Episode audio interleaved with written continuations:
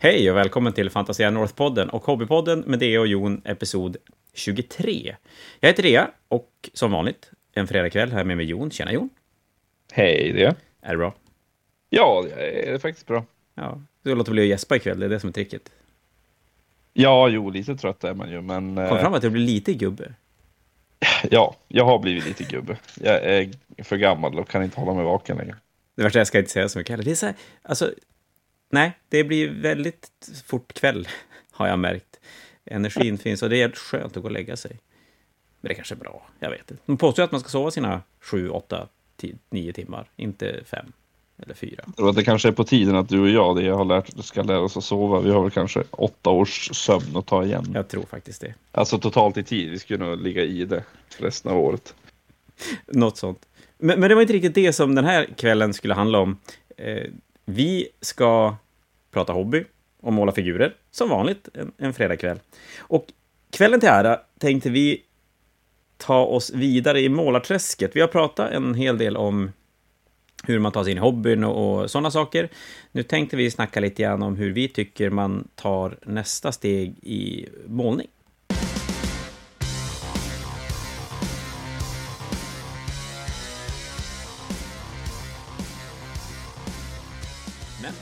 På tal om nästa steg i målning. Vad målar du för någonting? Ja, du hällde just ut en påse bits som var fel. Ja, jag hällde just ut en påse bits som var fel, så när jag hällde tillbaka en påse bits som var fel. För att ta fram påse bits som är rätt. Nej, men jag sitter och målar, eller konverterar kanske. Jag sitter och bygger, menar jag. Eh, konverterar lite sinskubbar, för jag fick lite sinch-feeling. Jag vet, jag vet att jag ska egentligen måla slanners, eh, men jag känner att med tanke på hastigheten jag målar så är det bra att ha en backup. Eh, så får inte jag spela den kaosarmén så kan jag åtminstone, eh, vad ska man säga, fixa till en annan kaosarmé så att den går att spela i nästa säsong också. Det ska ju sägas att du dominerar i helgen. Det var ju Bloodbound, eller förra helgen. Det var Bloodbound förra helgen som är våran lilla Age of Sigmar-turnering som vi håller som en dagars några gånger per år. Eh, Den här gången så var det två, en dubbelturnering. Det brukar tidigare vara så att man får välja att spela singel eller spela dubbel och så brukar det vara kring 1500 poäng. Nu var det en dubbelturnering, två gånger 750 poäng. Och du och Morgan, ni bara ägde och bara vann. Ja, vi bara vann. Eller ja, bara, vann- bara vann. Vi, vi spelade faktiskt eh, två vinster och en draw. Så, så vi bara vann kanske inte. Men Men ni vann. alltså vi vann ju turneringen. Det är ju liksom, det är det viktiga. Någonstans så är det en del av det, det går inte att komma ifrån. Så, men då var det karadoner som du lirade, kom vi fram till, för att du orkade inte bygga Sinch-gubbar. Nej, jag gör det nu istället. I lugn och ro. Eh, när jag har flera månader på mig. Det så. Så eh, det känns ju bra. Men Caradoner eh, gick ju bra. Det är ju en... Det har ju blivit en ganska jävla bra armé i, i nya, med nya boken faktiskt. Den har väl varit till och från lite bra, va? Visst är det så? Ja, när den kom så var den ju sämst. Ja, just det, så Eh, var det ja. Och sen, sen fick de en ny bok och, och så kunde de vara ganska bra i vissa matchups, eller väldigt bra i vissa andra. Mm. Eh, på grund av att skytte, ja, skytte fungerade ju väldigt bra när, om du kunde gå second och fick en dubbeltur eh, på den tiden. Sen Mm. så kom lite counters och så blev de, ja, hyfsat bra men ändå, det var vissa matchups det var bara kört liksom. Men nu, nu känns det som att de faktiskt kan tävla med eh, med de flesta och det, det som de gjorde för att fixa det, det var ju faktiskt att bara lägga in att man faktiskt kan charge och slåss i närstrid med dem.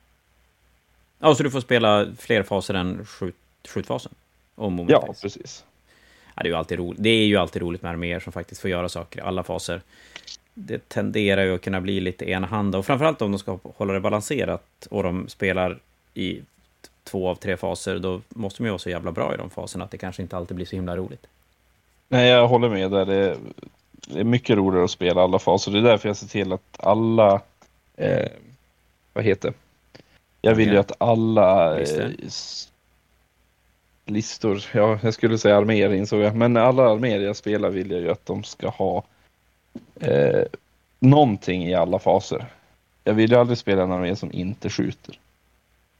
Det är väl egentligen bara i 40K det kan ibland vara lite lurigt. Alltså att just Psychic Facen känns ju som att den inte alltid är säker att man får, får göra saker i. Nej, Precis, men den, den, där Men den känns det nu. inte lika, ja, och den känns inte lika nödvändig om jag ska vara helt ärlig. Inte för min del i alla fall. Den, den Psychefacen är ju nästan så att ju större den blir, ju tråkigare blir den. Precis, precis. Och som sagt, den ryker om en månad, en och en halv, någonting sånt. Så det behöver inte Det fundera gör så den mycket på. faktiskt. Ja, men den gör ju det. Eh, Jag själv sitter och truckar vidare på Seraf... Seferims, heter de, ingenting annat. Och det går fan, det går fan bra. Det är lite sjukt. Det är oslökt produktivt känner jag ändå. Eh, så nu ikväll så ska det målas... Oj, det ska kladdas också uppenbarligen. Det ska målas eh, Purity Seals och eh, sn- eh, snören, bälten och bältespännen, vilket de har ganska gott om. Kan man lugnt säga. Purity Och så måla- Seals och snören. Ja, precis. Snören kanske inte riktigt exakt vad det kallas i 40K, men, men eh, ah, typ. Sen lite jobbigt, för jag målar... Jag drybrushar mina systrar först. Jag, jag sprayar dem svart och så drybrushar dem i grått och målar ut metallen och sen shadar jag allting i svart. Och sen går jag tillbaka och så edgelinar jag och så målar jag det röda. Och så nu sitter jag då och målar vimplar. Vimplar är det det heter. Och purity seals. Men då får vi fan inte kladda på det svarta, för det går som inte bara bättra på med svart på det svarta. Eftersom det har en liten gråton av, av drybrushen. Då måste man ju andan. Nej, det är ju det är jobbigt. De måste ju faktiskt sikta bra. Ja, då måste jag hålla andan när jag målar. Och då är det svårt att prata samtidigt. Men, men det är det jag gör. Det, nej, det går... Systrarna är fortfarande otroligt roliga att måla. Det, det känns kul. Och, och då tänker jag på, tal om kul att måla och roligt att måla. Ganska lägligt känner jag ändå nu med ny edition. Då kanske många ger sig in i ett nytt armébygge. Det kommer ju möjligheten att spela Combat Patrols balanserat mot varandra i nya 40K till exempel. Och det låter ju som en initialt i alla fall som en jävligt cool grej. Att här, plocka upp sin Combat Patrol och så sen kör man mot andra som har en Combat Patrol och det ska vara balanserat. Sen hur GW väljer att balansera det, det får vi väl se om det är så att man får olika, olika bonusar och, och bara kan spela då det som är med i Combat Patrolen. Mm, men skitsamma, det var en helt annan grej. Och då tänkte du att du och jag, och framförallt du, för det här är ju som din grej egentligen, skulle snacka lite grann om hur, du tar din, hur du tar din målning till nästa, nästa nivå. Eh, och då tänker vi lite grann att du har skaffat ett färgsätt, du har börjat målat, du kanske har målat 40 figurer, typ. Alternativt att du ska som, du har målat en armé och du ska starta din andra armé och känner att du vill göra den bättre än vad du gjorde din, för, din första. Ja, vi kan ju börja någonstans där i att om du, om du känner, alltså om du är på ganska grundläggande nivå och ska lyfta ditt målande. Och här kan vi bara slänga in lite grann att det händer lite oftare nu än förr. Att man lyfter Känns sitt målande. som. Jag vill att, att, snarare också att man vill lyfta sitt målande. Visst, alla vill på något sätt kanske utvecklas och måla om man är intresserad av att måla.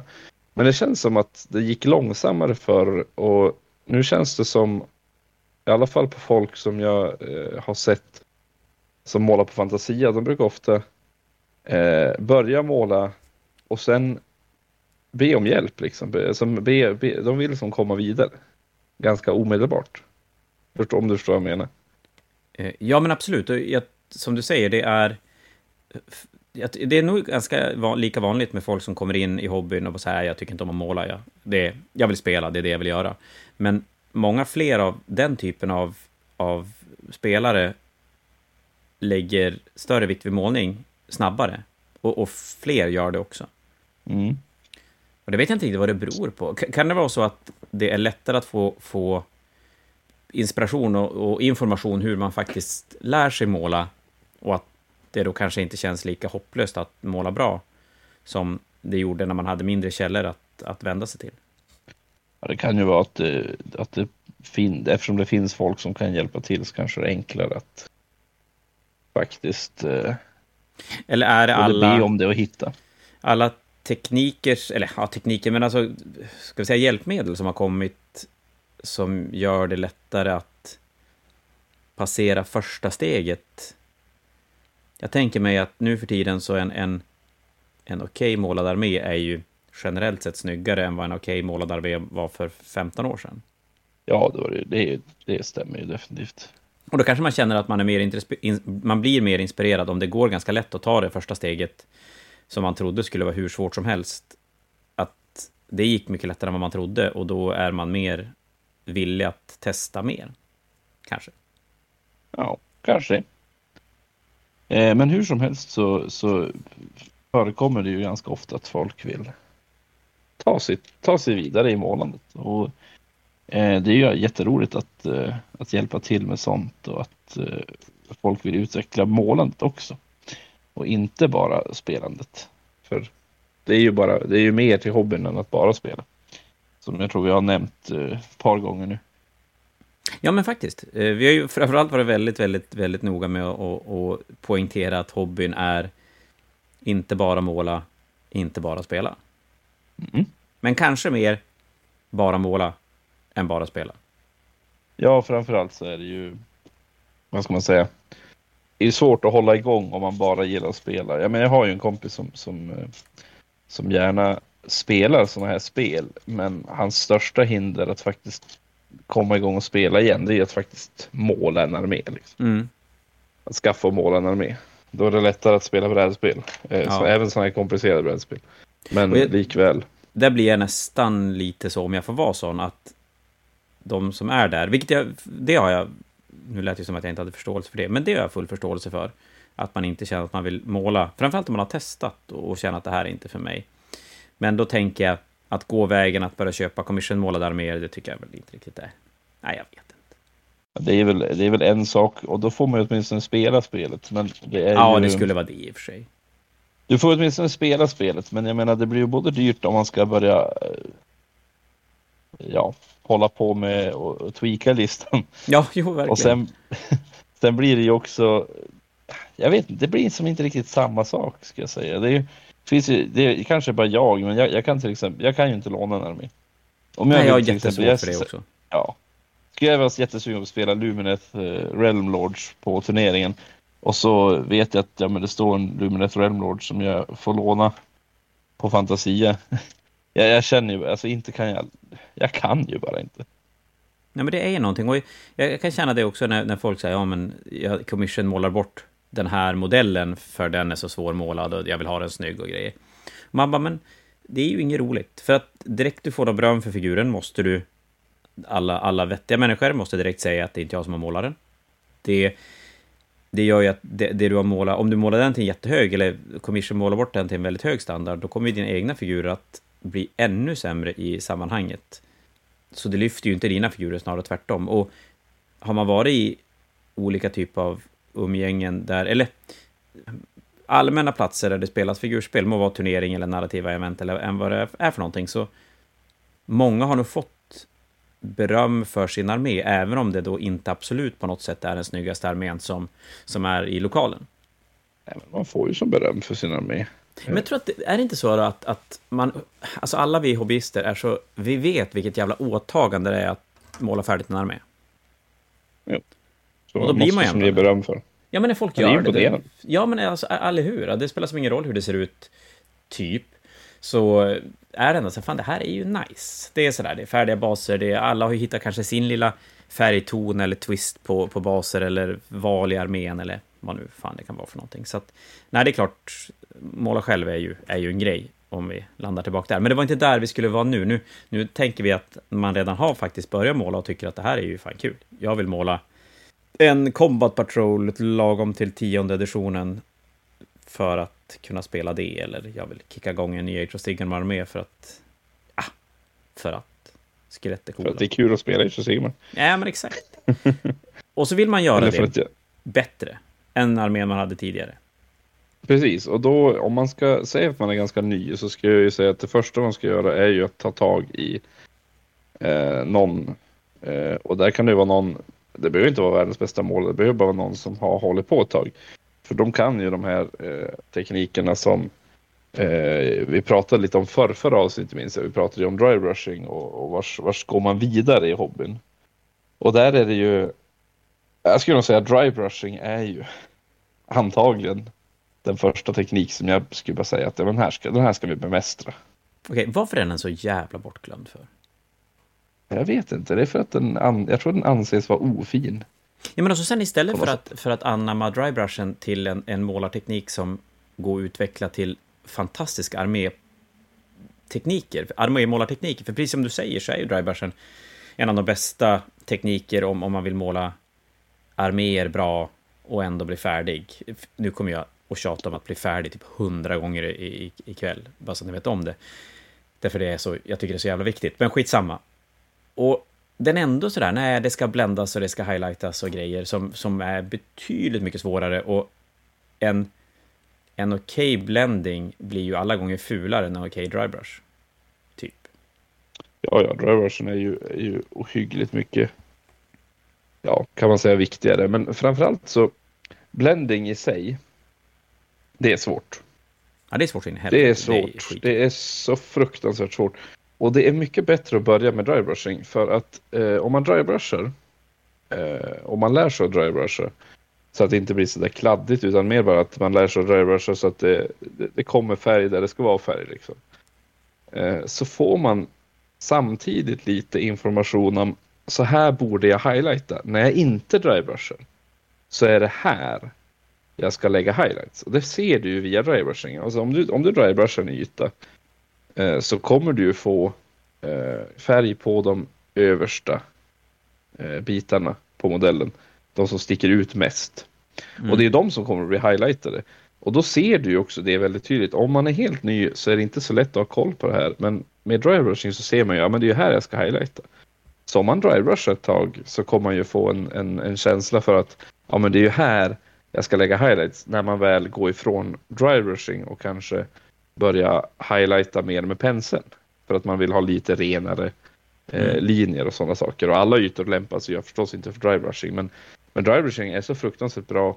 Och det är så många ställen som jag använder drybrushing på hela tiden. Framförallt basen definitivt. Men även på modellen så finns det många ytor som jag känner det här är det bra att drybrusha.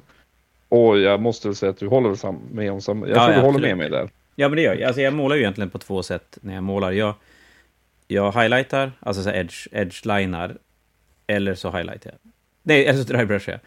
Det är ju egentligen de två varianter jag gör. Och det, det är till och med så att jag kan välja bort modeller för att de passar som inte riktigt mitt, mitt sätt att måla. Och då vet jag att jag kommer att bli förbannad om, om det inte blir som jag vill.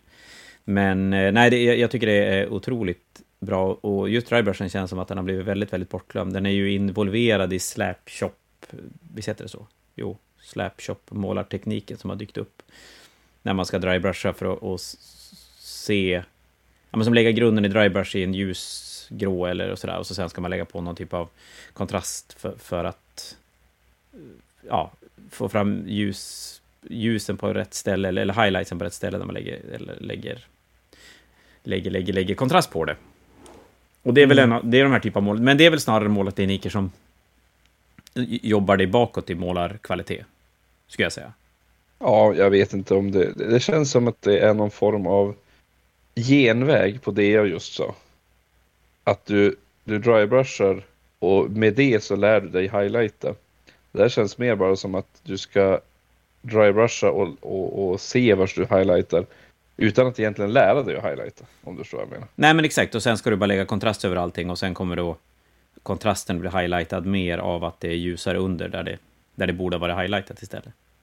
Ja, och det är ju det är som, och så, som sagt kontrasten räddar upp det lite grann. Men det, det är ju inte riktigt samma sak som att kunna. Och när jag tänker att man ska ta sig vidare i målningen så tänker jag ju inte bara att man ska få en snyggare armé än den förra med genvägar utan man faktiskt ska kunna måla en snyggare armé. Eh, liksom att mm. man ska lära sig lite grann och det är så man, det är så man blir en bättre målare. Va? Man måste ju vara öppen för att lära sig de här sakerna. Och då måste man också ge sig tid att lära sig dem. Och det är därför jag säger börja med dry rushing för att man lär sig highlighta med dry rushing. Och efter det så kan man börja highlighta, eh, ja men highlighta lite mer Eh, när man har fått en känsla för att ja, men här ska det ligga lite ljusare färg. Där, där behöver man inte ens studera ljusteori eller någonting sånt för att vi highlightar ju väldigt eh, orimligt oftast. Vi highlightar ju där det är eh, högt. Bara för att skapa kontrast i det vi målar och då behöver man inte lära sig på vilket håll ljuset kommer ifrån. Utan det viktigaste är ju bara då att man skapar ett djup i modellen så att man behöver ljust på de högre ytorna och mörkt i de mörka ytorna. Så därför, drybrushing först, eh, highlighting sen och det där måste man som sagt, man får träna på det där. Eh, och träna gör man ju genom att måla arméer och bli färdig med dem oftast. Det är i alla fall så jag gjorde.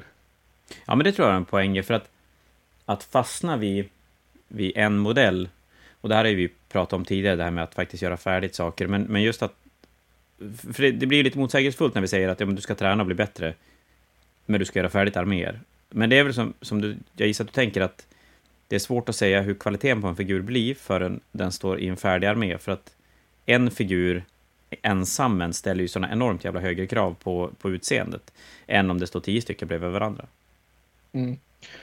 Och definitivt, om målet är att du ska bli sjukt duktig på att måla och ta hem en, en Golden Demon inom fem år, absolut, då måste du träna målning på ett annat sätt kanske än armémålning. Men nu, nu, nu vänder vi oss lite grann till de som de hobbyister som både målar och spelar och läser lår och tycker att Warhammer och allt det här figurspel är det coolaste i världen.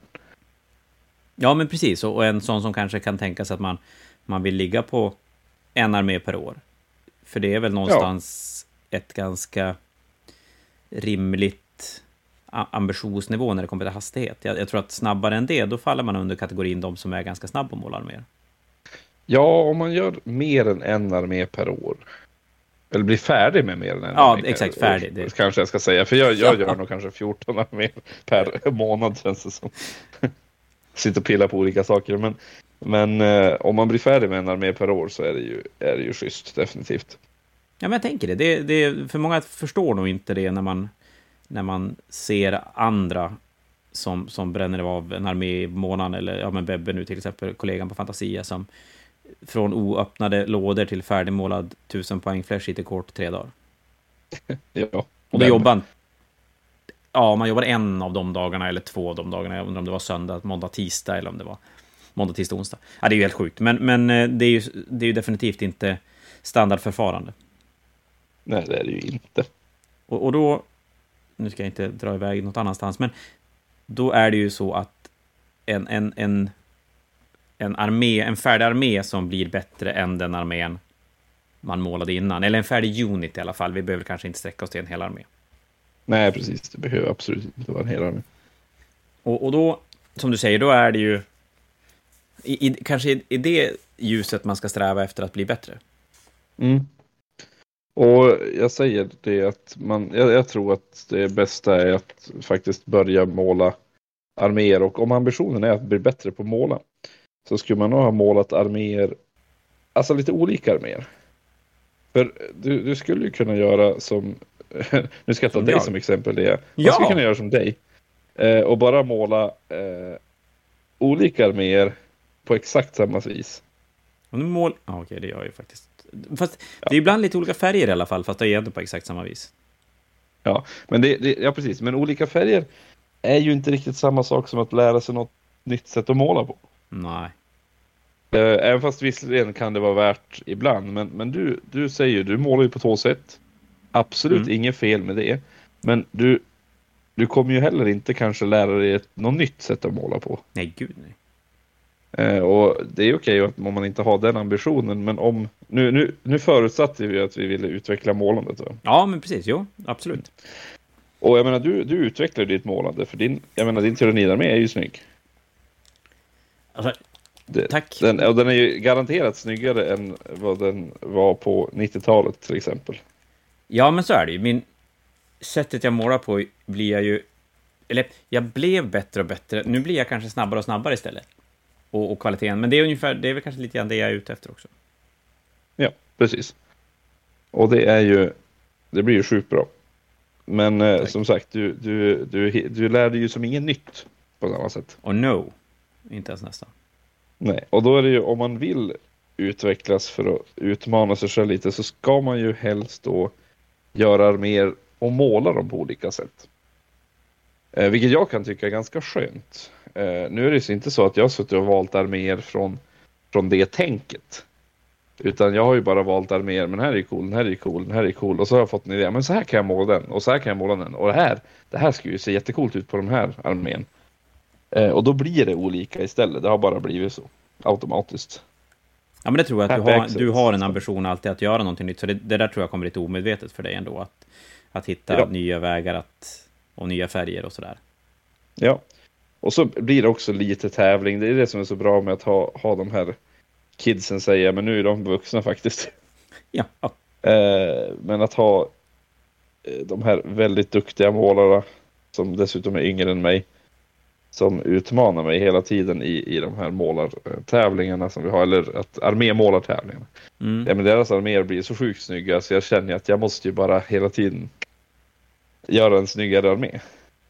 Eh, ja, och, och det är klart, det är ju bra om man, om man har en sån grej och kan motivera sig själv och inte bli avskräckt av det, så är det ju fantastiskt bra att bli sporrad till att, att göra lite mer än... Och så sen har du de här deadlinesen som det, det ska vara färdigt till det här och, och välja då tekniker och välja att bli nöjd i, på en nivå där du känner att det här kan jag faktiskt göra färdigt.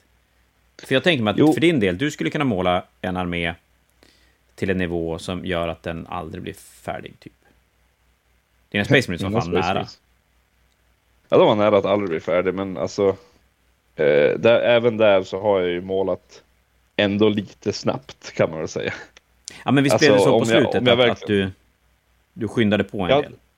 Där skynd, jag skyndade på med sista enheten lite grann, absolut. Den, den kanske jag måste dra över lite mer färg på. Men jag hade tänkt att den skulle få åka ut för coolare modeller ändå Mm. i tionde.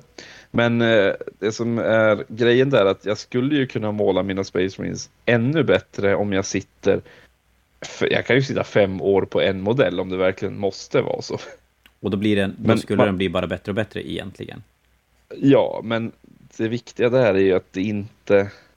Det, det finns ju en gräns på hur snygg en armé ska vara. Ändå.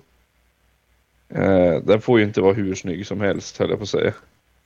Det är ganska fascinerande. Någonstans så tappar man ju... Man, man tappar ju taggen på att spela till slut.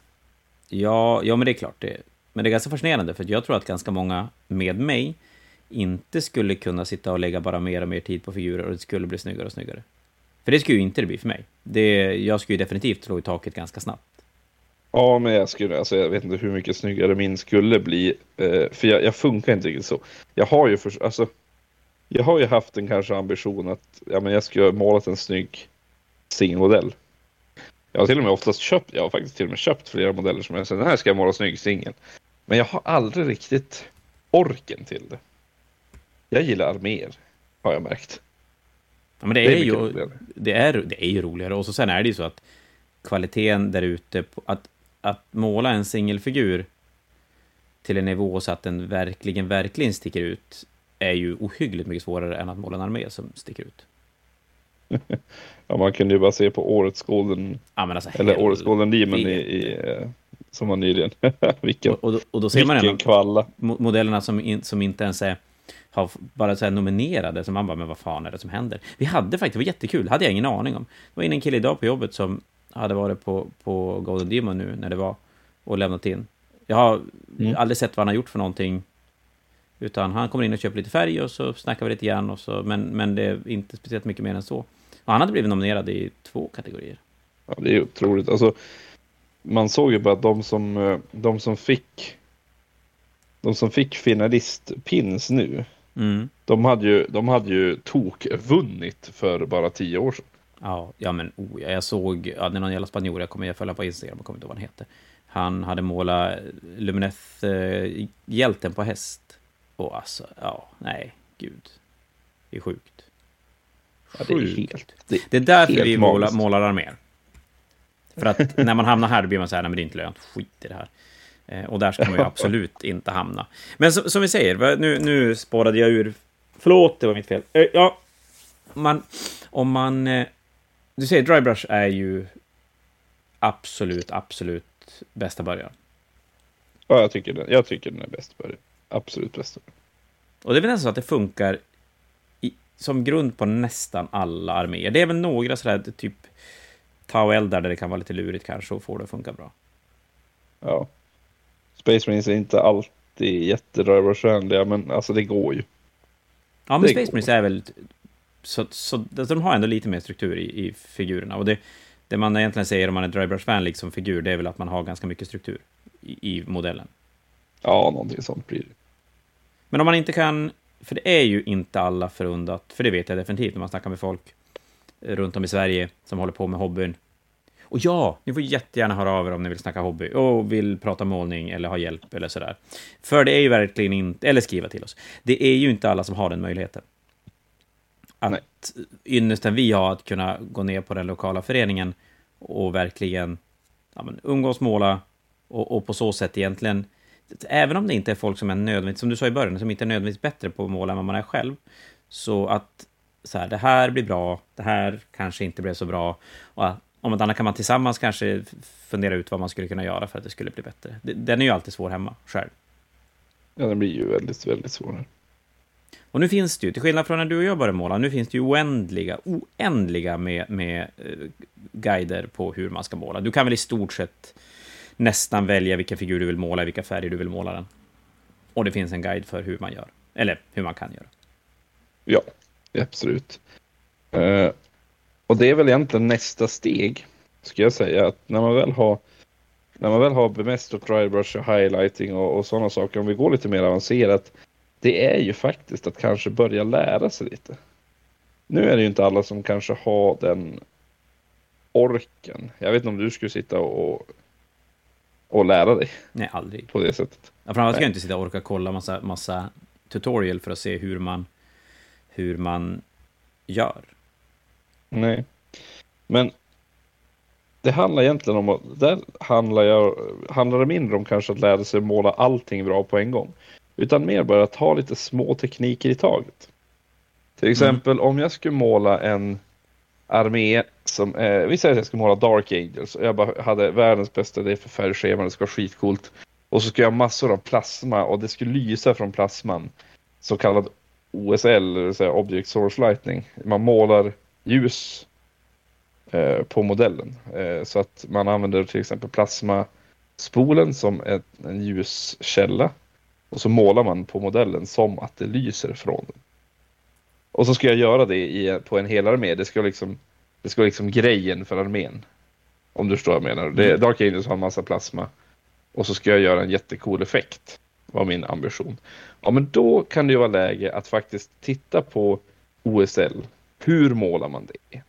Hitta någon, eh, det finns jättemånga patreons till exempel som man kan eh, betala en månad för bara för att få lite pdf där. Så här gör man. Eller så finns det videos på Youtube man kan kolla med någon som man vet kan tekniken redan, utan man bara fokuserar på just den tekniken. Mm. Och blir bättre på den. Så att istället för att bara bli bättre på att måla generellt, så lär du dig någonting nytt. Du målar din armé som du har gjort förr. Du målar hela armén på samma sätt kanske. Förutom just det här att du lägger till den här eh, nya tekniken och i det här fallet, i mitt exempel, så är det eh, Object Source Lighting eh, från plasmagevär. Anledningen till att jag sa det för jag har två Space Marines som jag har målat tidigare som står på mitt målarbord nu och tittar på mig med sina Snyggt. lysande plasmagevär. Snyggt. Ja, det är till nya editionen också. Men om man skulle, om man skulle backa, vi backar lite grann och så sen är man i den där uh, drybrush highlight-stadiet. Vad, vad, ska man tänka på när man drybrushar? Hur man drybrushar? Ska ja, det är att för det första så ska ju penseln, den, penseln ska vara torr. Och jag vet, det låter kanske lite lustigt eftersom det heter drybrushing och så tänker folk, ja men klart man vet att penseln ska vara torr. Men tro mig, det är inte alltid så uppenbart. Superuppenbart. Nej, framförallt så den ska inte vara helt torr. Alltså färgen måste ju vara lite, lite fuktig för att det ska faktiskt lossna kan man väl säga. Men den ska definitivt vara jättetorr. Alltså du förstör ju penseln när du drybrushar, så är det ju. Eh, det får man vara beredd på. För att färgen kommer ju att torka i penseln. Du ska ju damma av penseln när du drybrushar. Precis. Eh, och då gäller det ju att man ska gärna ta, jag brukar ta hushållspapper eller någonting sånt att, att eh, ska man säga, torka av penseln på. Så jag tar färg, tar på pappret och så drybrushar jag pappret egentligen tills jag har en torr pensel. Eh, jag testar att drybrusha lite på fingret, oftast först, bara för att se, får jag ut min... Det är bra liksom när man får ut fingeravtrycken. Eh, och sen så brukar jag hålla modellen och så börjar jag vifta med penseln. Jag börjar drybrusha luften ovanför modellen innan jag nuddar Det ser så jävla dumt ut. Ursäkta. Mm. Men det är ju bra. Det ser dumt ut. Men det är för att få rätt tryck på modellen. För om jag börjar direkt på modellen då är det risk att jag trycker för hårt och då kanske det blir en stor färgfläck.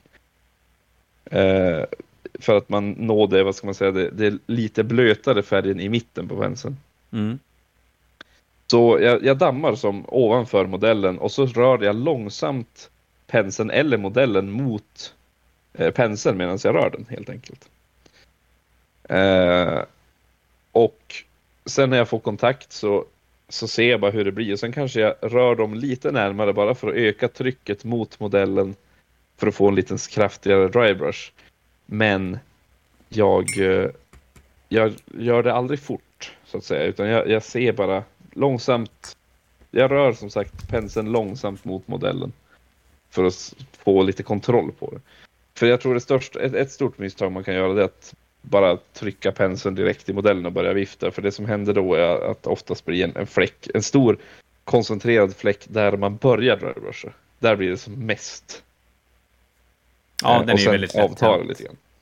Och så går det Mm. ganska fort när färgen försvinner och så sen sitter man med ingen färg på penseln. Precis. Och så sen är det väl värt att tänka då på att man... Det är ju rätt svårt att, att drybrusha precis.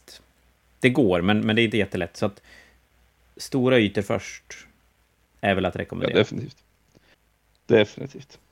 Så lite så här fundera ut hur, hur, hur du vill, eller var du ska... Det är viktigt att fundera i vilken ordning man ska lägga färgerna, så kanske. Ja, särskilt om man ska drybrusha stora ytor och hela modeller, liksom, då, då blir det viktigt att veta vilken ordning ska jag lägga färgerna och vilken färg ska jag börja med. Eh, det, det är någonting man måste tänka så här. Oftast är det ju ljusa färger först. Men eh, ibland kan man ju klara sig genom att använda en färg för att drybrusha över flera färger. Så man highlightar med samma färg fast man använder olika färger i grund. Mm. Eh, till exempel om jag skulle highlighta både en ljus hudfärg och en eh, läderfärg samtidigt så skulle jag kunna måla själva huden kanske Cadian Flesh Tone eller någonting sånt. Och så målar jag alla läderbitar eh, en ganska mörkbrun. Vad det nu kan vara. Mornfang Brown kanske. Och sen så drybrushar jag allting i en ljus beige ton. Eller beige som man säger Nej. i Umeå tydligen. Eh, Då förstår och, ni vad han menar, tänker jag. Vad säger du? Då förstod de vad du menar. Ja, precis. Då förstår alla där hemma vad jag menar. Japp. Eh, och eh, då highlightas ju både lädret, det här mörkbruna lädret och den ljusa huden med den här ljusa beigea tonen. Och det blir ju det blir bra. Det blir bra på båda sidor. Jag kastar Det penseln på, penseln på backen. Jävligt pro-it, kände jag. eh, nej, nej, men precis som du säger, det, det är ju... Det är ju jättevärt. Och där, och där tycker jag du nuddar vid en grej som kan vara ganska intressant också om man ska utveckla målandet och ta nästa steg. För absolut, målartekniker och sådär, men, men även lite grann så här färgval och grejer är ju något som kan göra ganska mycket för din armé utan att du egentligen behöver bli bättre överhuvudtaget på någonting. Ja, definitivt. Eh, hur du väljer vilka färger som ska användas när du målar. Det kommer ju avgöra. Det kommer ju avgöra ganska mycket. Eh, Vi har pratat om det här tidigare, därför det känns bekant nu när vi tar upp det, just med det här med färghjulet och, och välja färger. Men vi kan väl, det där, du gillar ju det. Gör jag det? Ja. Ja, det gör du. Jag har, ju alltid, jag har ju alltid det svåraste dock med att välja färgschema på en ny armé. Eh, så, men däremot absolut, färghjulet är bra att välja, eh, eller bra att titta på. Det är bara att googla färghjul eller color wheel eller någonting sånt så kommer man ju få upp ett, en variant av det. Och alla är ju i princip likadana. Eh, vissa innehåller bara fler färger så det blir bara fler steg. Men eh, det räcker ju att ha kanske ett färghjul med 10 eller fär- 10, 9 färger kanske jag ska säga. väl Mm. grunden. För då ser man ju de här stora dragen, vilka som passar med varandra och inte. Och sen gäller det ju att hålla sina färger. De färger man väljer på modellen ska ju helst ligga så långt ifrån varandra som möjligt på det här färghjulet. Så tar Mm. man två färger så tar man ju två färger som är mitt emot varandra på färghjulet. Så om jag väljer eh, en eh, gul färg så kanske den mitt emot är lila. Det borde ju det jag känna till. Det var ju du som visade mig det en gång för hundra år sedan. När jag skulle Ja. välja, välja klofärg på, på mina tyrannider. För lila Ja, hade jag valt själv. egentligen. Ja, lila valde du själv och så ville du ha klofärg. Då sa jag bara mitt emot sig är ju gult. Va? Så, Och så det, det gult. vad har jag gjort liksom? Ja, fick jag måla gult. Ja, typiskt. Men eh, jag minns att du inte var jättenöjd av att måla gult. Men det slutar ju lyckligt kanske. Ja, vi gifte oss, det var skitbra. Alltså jag och Bra. mina tyrannider. Mm.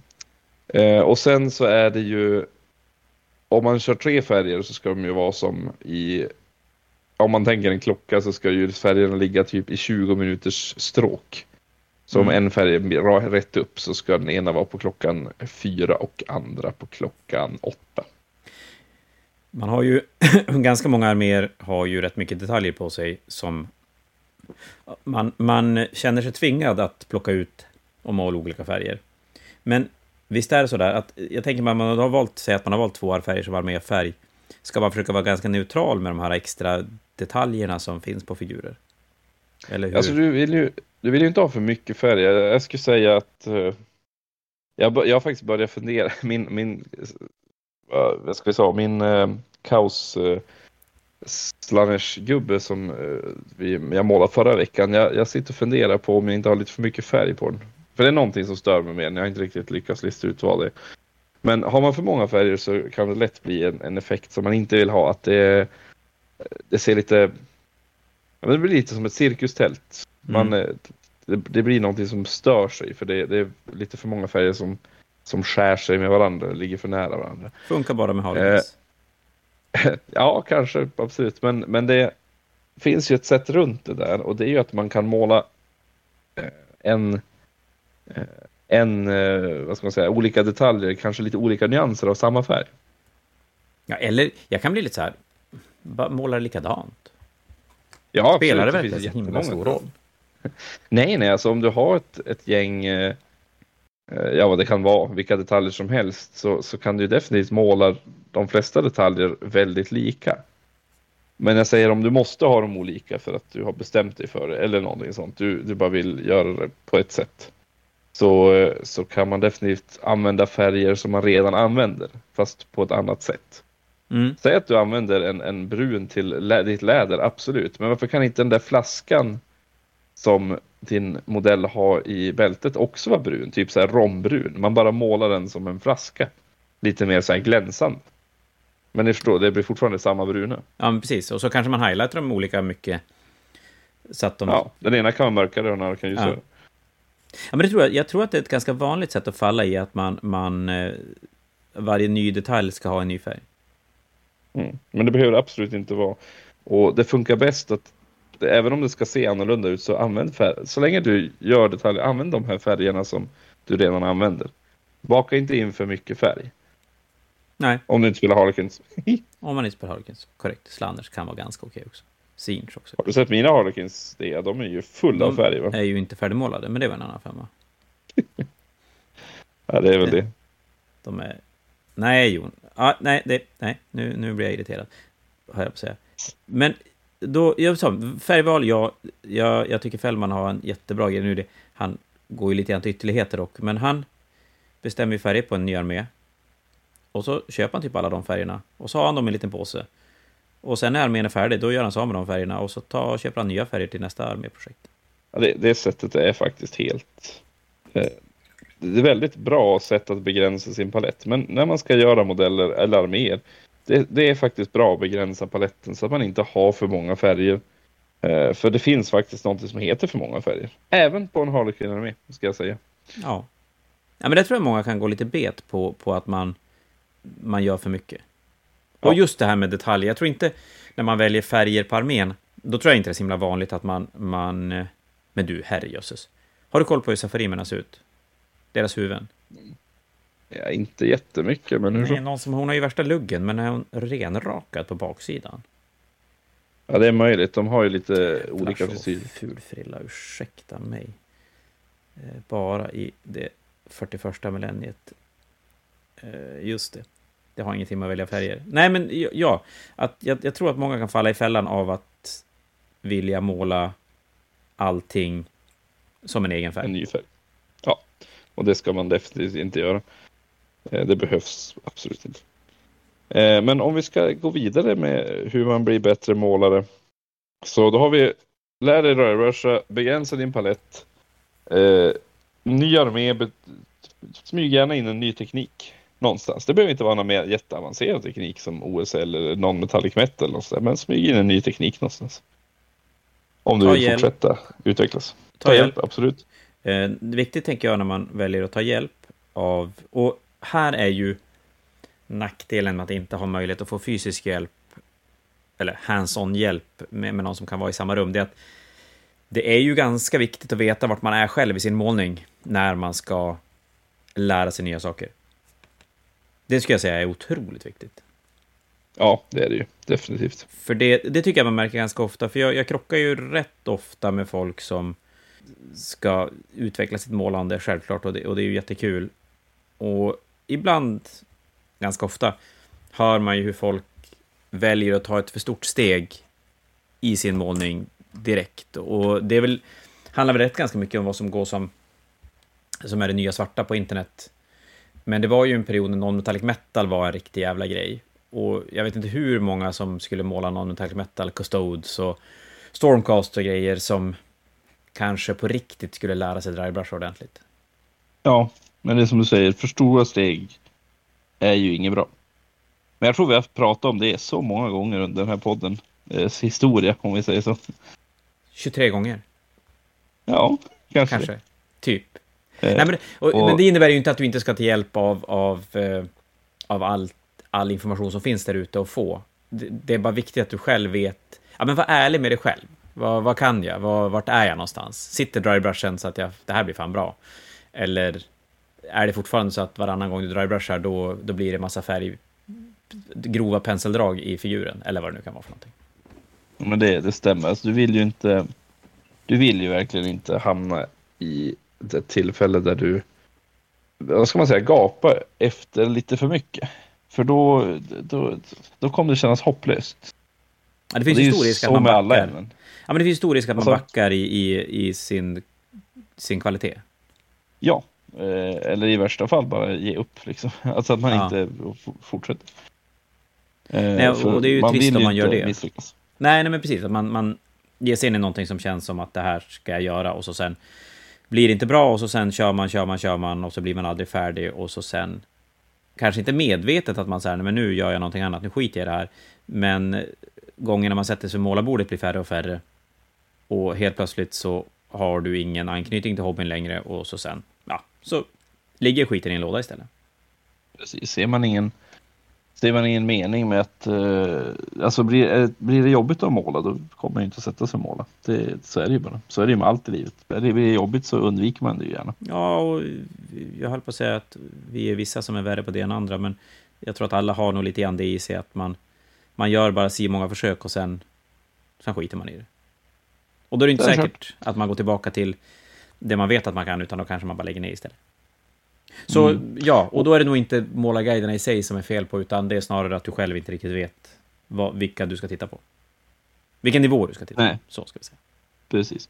Och där kan vi ju komma in på nästa del som kan vara lite vä- värt att tänka på. Om vi testar nya tekniker, för nu har jag ju premierat att man ska fortsätta utvecklas. Ibland kan det ju faktiskt hända att man hamnar på ett ställe eller man börjar med en teknik som, man ins- alltså, som bara är för svår eller för jobbig eller det, det blir bara dåligt.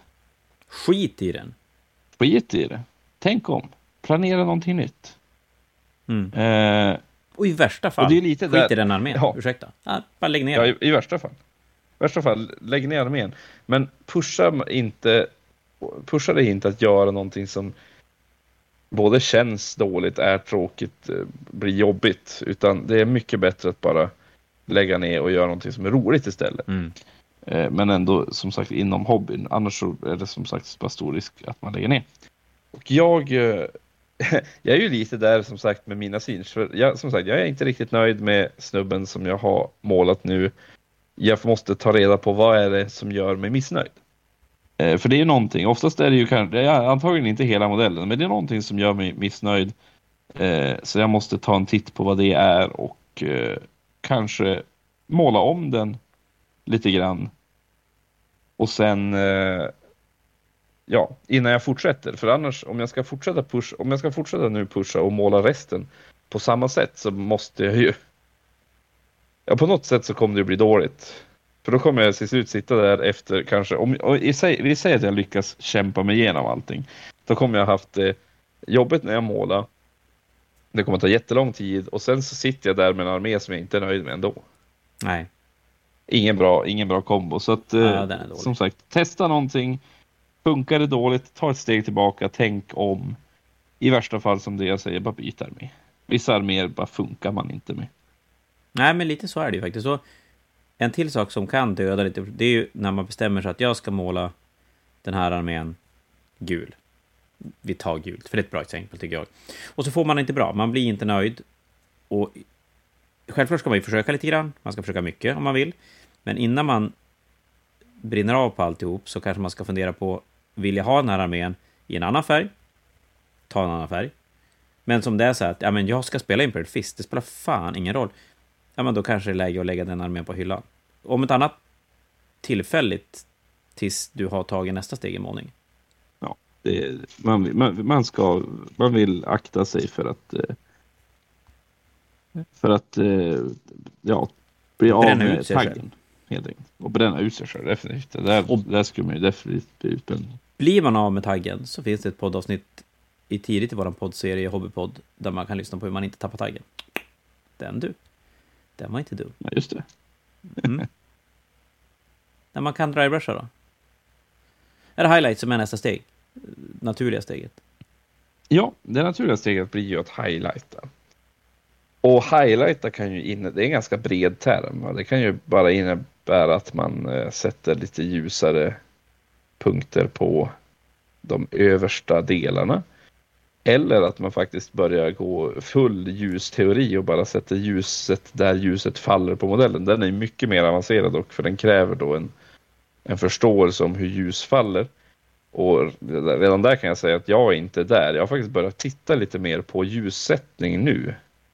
För att jag inser att jag måste nästan bli bättre på det. Eller så gör man som mig. Jag highlightar kanter. Sen är jag ganska nöjd. Ja, men det ingår ju, tänker jag, i det här med upphöjda. Eh, ja, faktiskt. Det gör det. Och eh, det är ju definitivt nästa steg om vi ska tänka eh, olika steg. Och det, gör, det, det, är ju ganska bra för Space Marines. För om vi tänker Space Marines, oftast så är Space Marines, de har ju ganska rundade rustningar. Och är inte alltid bra drivebrusher. Just på grund av att de har stora platta ytor eh, på olika ställen av modellen. Och då blir det mycket bättre om man kan eh, göra ljusare kanter på rustningen. Mm. Och det är svårt. Där ska jag vara helt ärlig och säga att det är faktiskt svårt.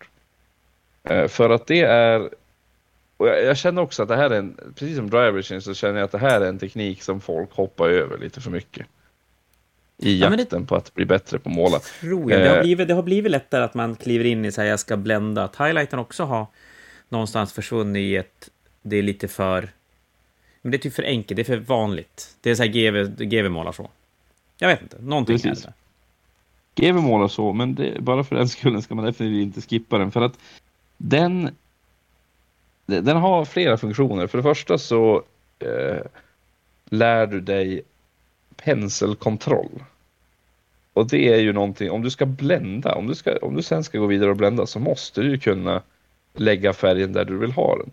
Mm. För att och, och lägga färg på kanterna ska jag säga är grunden till penselkontroll. För det finns många sätt man kan eh, göra handen stadig för att göra lite rakare linjer. Och om det är en kant där så kan man ju lägga sidan på penseln. Man kan ha färg på penseln och så lägger man istället för spetsen på penseln mot där man vill ha kanten så lägger man som sidan på penseln och drar den efter kanten. Det är ett väldigt för smidigt att... sätt att hålla sig. Framförallt som du säger, de här vassa mm. kanterna, Spaceman Shoulder Pads, vet ju säkert alla, alla hur det ser ut. Ja, precis. Det, det, det är ju väldigt effektivt. Det är, det en teknik jag använder fortfarande för att orka vara stadig på handen när man inte behöver vara det.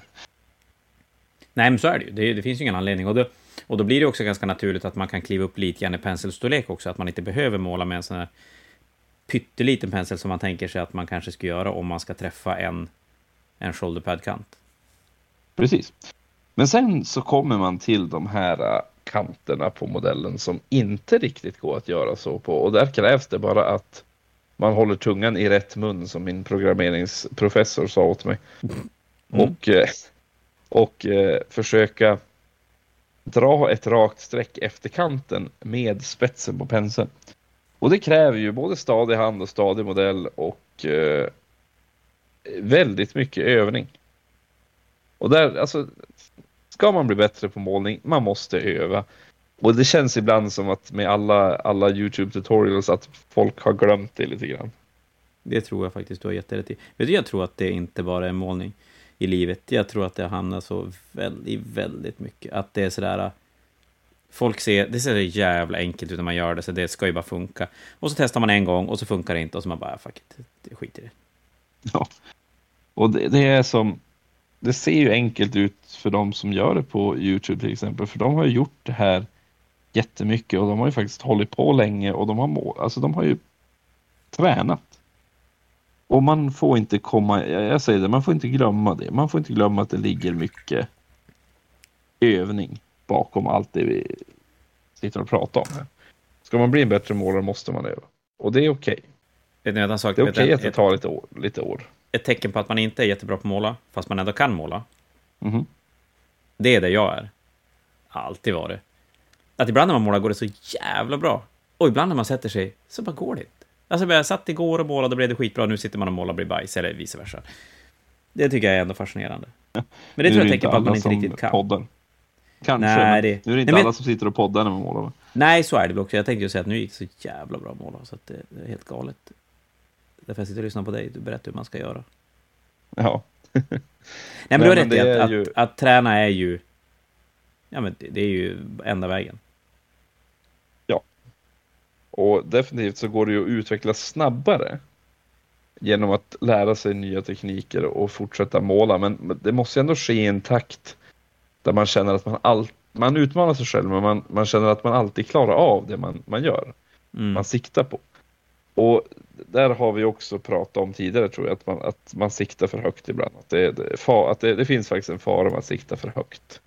Man måste lägga ribban på en rimlig nivå. Ja, det, och där tror jag du pekar på något som är för jävla svårt. Att, för det är klart, när du själv är på väg att, att lära dig mer målning så kan det vara väldigt, väldigt svårt att säga att ja, men det där, just den där grejen, den är för svår.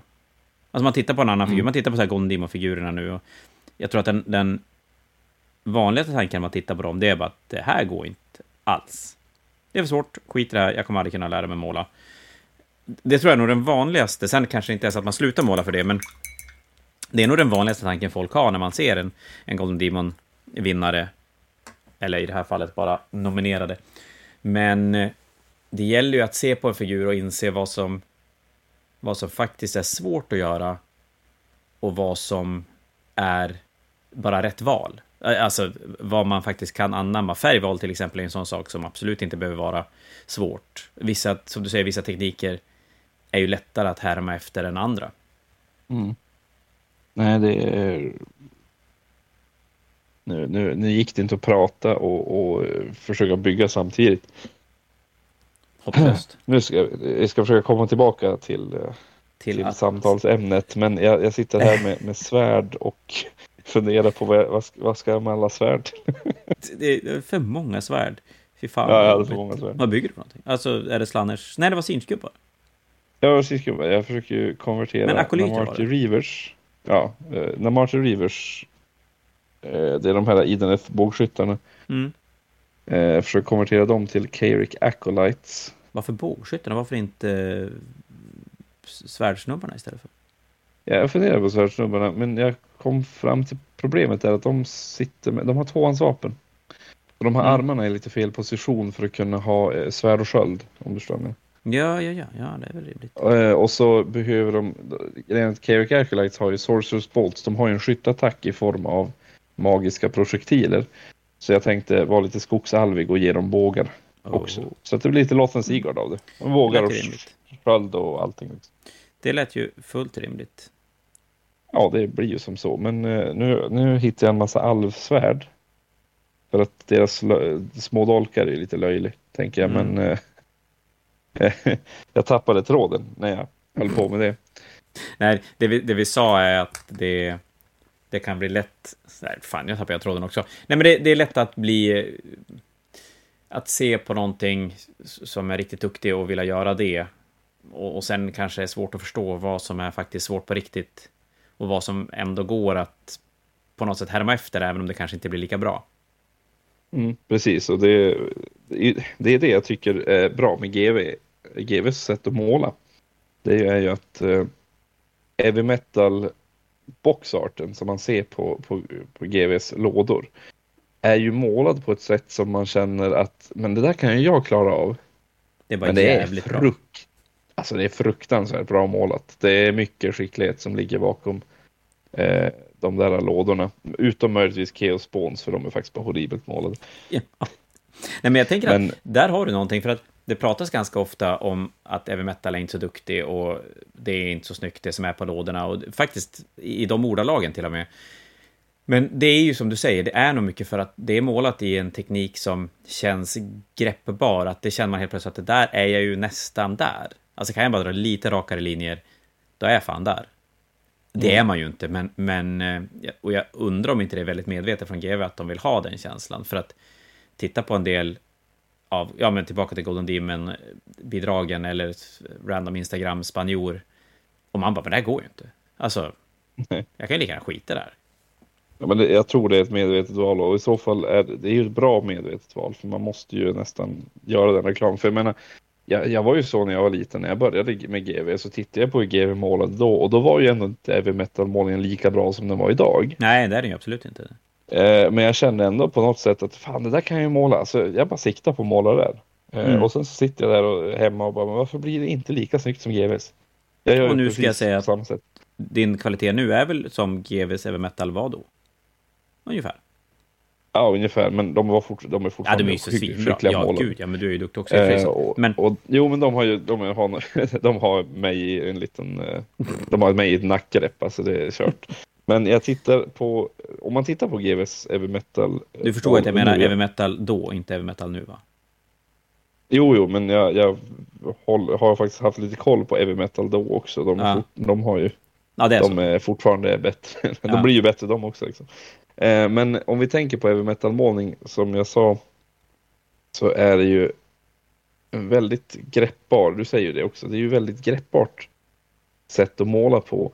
Och det är ju väldigt fel, ska jag säga. Jag ska verkligen försvara Heavy Metal här, och, och särskilt när man följer dem på Instagram.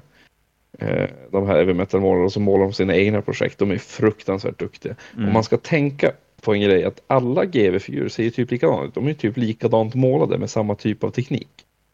Och så tänker man på att det här är olika människor som målar på exakt samma sätt. Ja, Och det krävs en enorm skicklighet att inte måla med sin egen stil. Utan med måla med en stil som man har gemen, alltså som man har bestämt att så här ska det målas. Liksom. ja det kan jag tänka mig är jättesvårt. Ja, det är ju jättesvårt och, och det är så spännande för det är ju verkligen likadant. Jag menar oavsett om det är eh, om vem det är som målar Space Marines så målas de på samma sätt.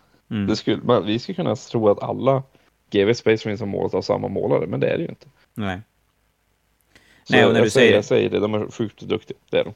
Ja, och när man tittar på det så, så är det ju så att arméerna mellan varandra också, jag menar, Tau, Eldar, Space Marines, det är ju exakt samma stil på allihopa. Mm. Och det är ju, som du säger, nästan 100% för att vi ska kunna se på boxarten och känna att man blir inspirerad. Det är jävligt snyggt. Men vad fan, ja, men ge mig ett år. Då jävlar, då är jag där. Mm. Och det är väl kanske det absolut bästa de kan göra. Ja, definitivt. Och jag tror det är det som gör att det är ett vinnande koncept. De har ju som alltid gjort så. Eh, Ja, Och sen har de ju, sen har de ju, tidigare hade de ju, minns, nu säger jag tidigare, väldigt mycket tidigare, för länge sedan, när de hade gallerier i, i arméböckerna, mm. när deras heavy metal-målare fick gå lös på singelmodeller. och så var det Kommer snyggt så det gjorde ont. den tiden? Vad säger du? Och så var det snyggt så det Ja, det gjorde var ont. snyggt. Det var, det var snyggt så det gjorde ont. Jag kommer ihåg fortfarande Neil Green och hans Einur, The Sword of Twilight som han målade i High Elf-boken som var min första armébok. Alltså, den var ju fruktansvärt snygg för sin tid definitivt, men, men den var fruktansvärt snygg. Och det saknar jag lite grann om jag ska vara helt ärlig.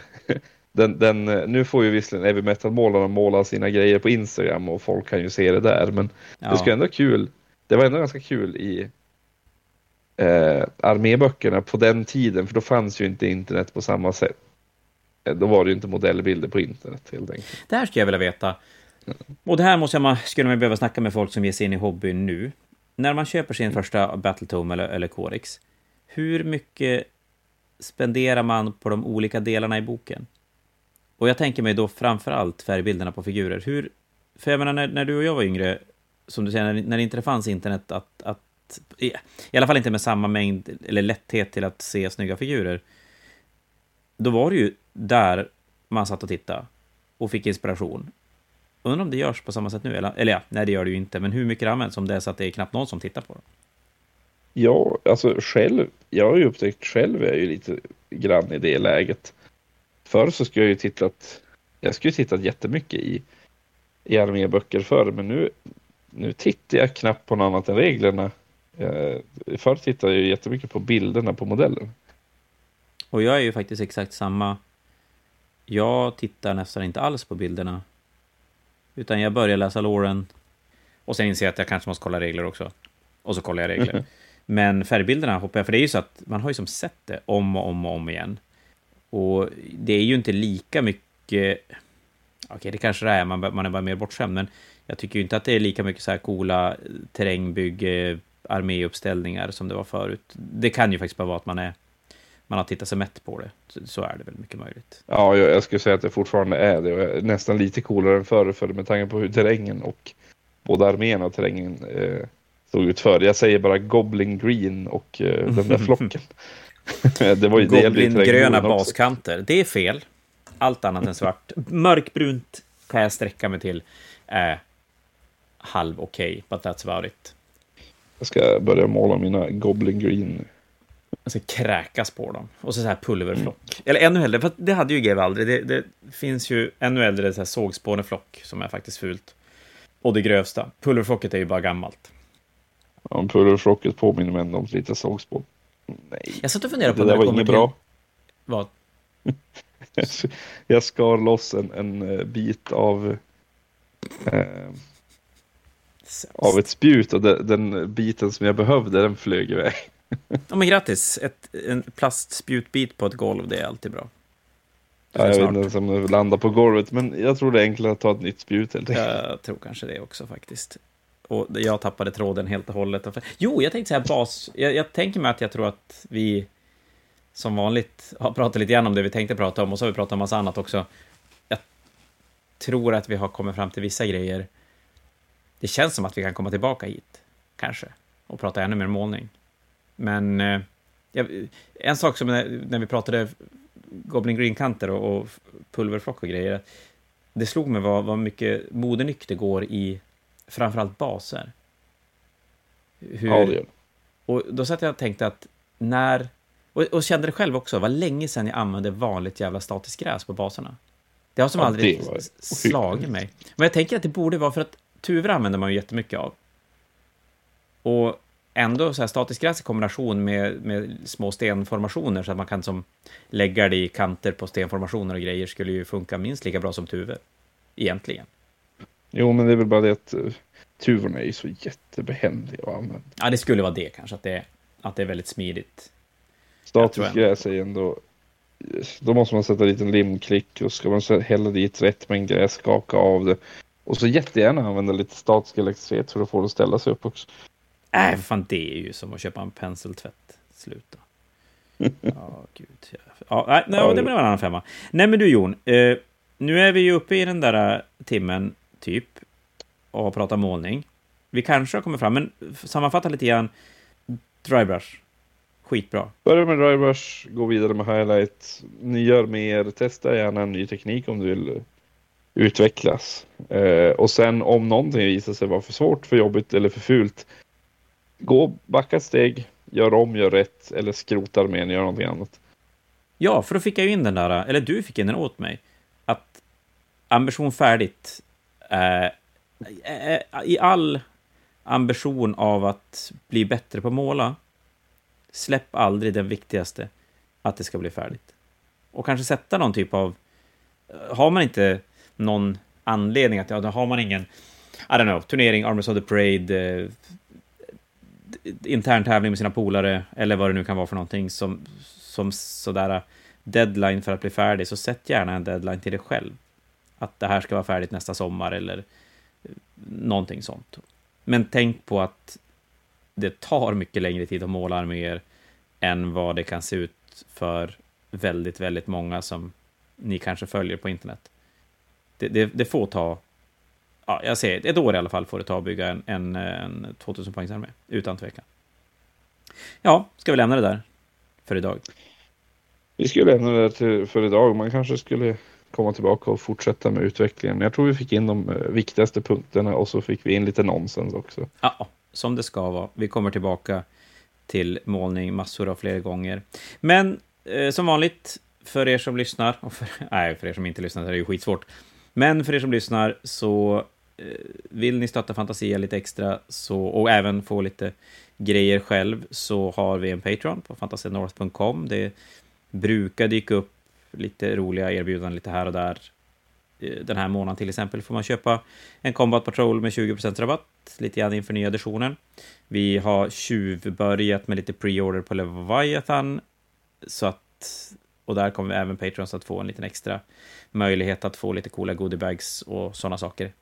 Det kommer att vara grejer för er som inte är Patrons också. Och så sen finns ju vår webbshop på fantasianorth.com ni får jättegärna kika in där och har ni några funderingar så är ni supervälkommen att höra av er till oss på något sätt. Men du, Jon, och tack för en ikväll. Sak till. En Ja. sak till det. Kör. Innan du tackar för ikväll så måste jag säga en sak till. Och det viktiga där är ju att eh, jag tycker att ni ska gå in på Fantasia Norths Instagram och titta på bilder på det det och jag pysslar med. Det brukar lite Ja. varierat komma upp eh, varje fredag vad det är vi håller på med. Ja, men Eh, faktiskt. och jag skulle och- jättegärna vilja se deras systrar. Ja, men nu har det ju faktiskt blivit lite grann, så att jag tänker att ja, de kommer få med en här. Det har ju varit lite, lite fokus på dina figurer ett tag här.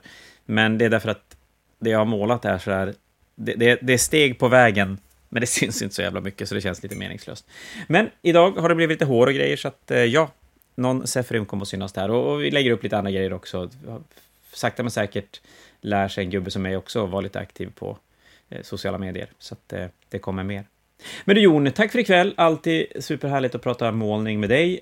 Och tack för alla ni som har lyssnat. Jag hoppas ni har haft en trevlig timme, så hörs vi igen om en vecka. Ha det bra allihopa. Hej då!